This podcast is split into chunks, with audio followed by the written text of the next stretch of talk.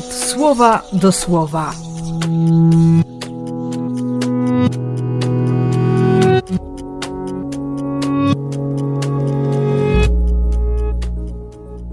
Drugi stycznia, poniedziałek.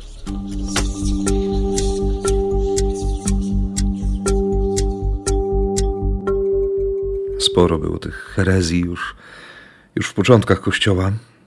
Poszukiwania, własne opinie, próby przekonania kogoś, że, że to moje zdanie o Jezusie jest, jest najważniejsze, jest prawdziwe. Dla apostołów wszystko było jasne. Oni przecież sami doświadczyli, kim jest Jezus. Oni się przekonali. Dlaczego mimo wszystko nie wszyscy uwierzyli ich świadectwu?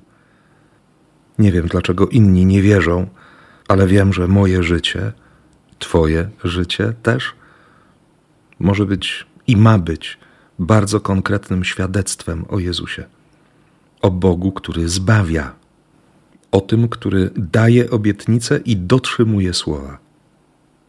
Pojawia się zatem drugie pytanie: kim ja jestem? Co Bóg o mnie myśli? Na to pytanie cały czas próbuje odpowiedzieć sobie Jan Chrzciciel. Tym, którzy zostali do niego posłani w celu zbadania, za kogo on się podaje, mówi wyraźnie, dementując wszelkie plotki i pogłoski na jego temat krążące: Nie jestem Mesjaszem. No to kim jesteś? Głosem wołającym na pustkowiu. Być głosem, nie słowem, tylko głosem. A mnie ciągle brakuje pokory, żeby, żeby uznać siebie za głos.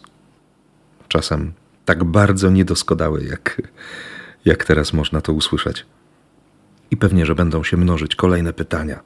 To dlaczego, dlaczego, dlaczego?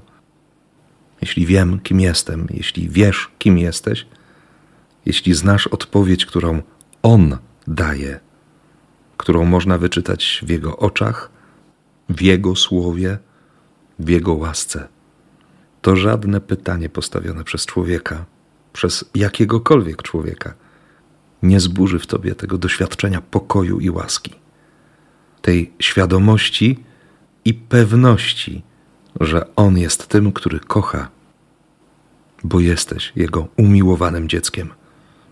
Masz taką wartość, że On się nie waha oddać za Ciebie i za mnie również swoje życie. Obyśmy o tym nie zapomnieli. W imię Ojca i Syna i Ducha Świętego. Amen.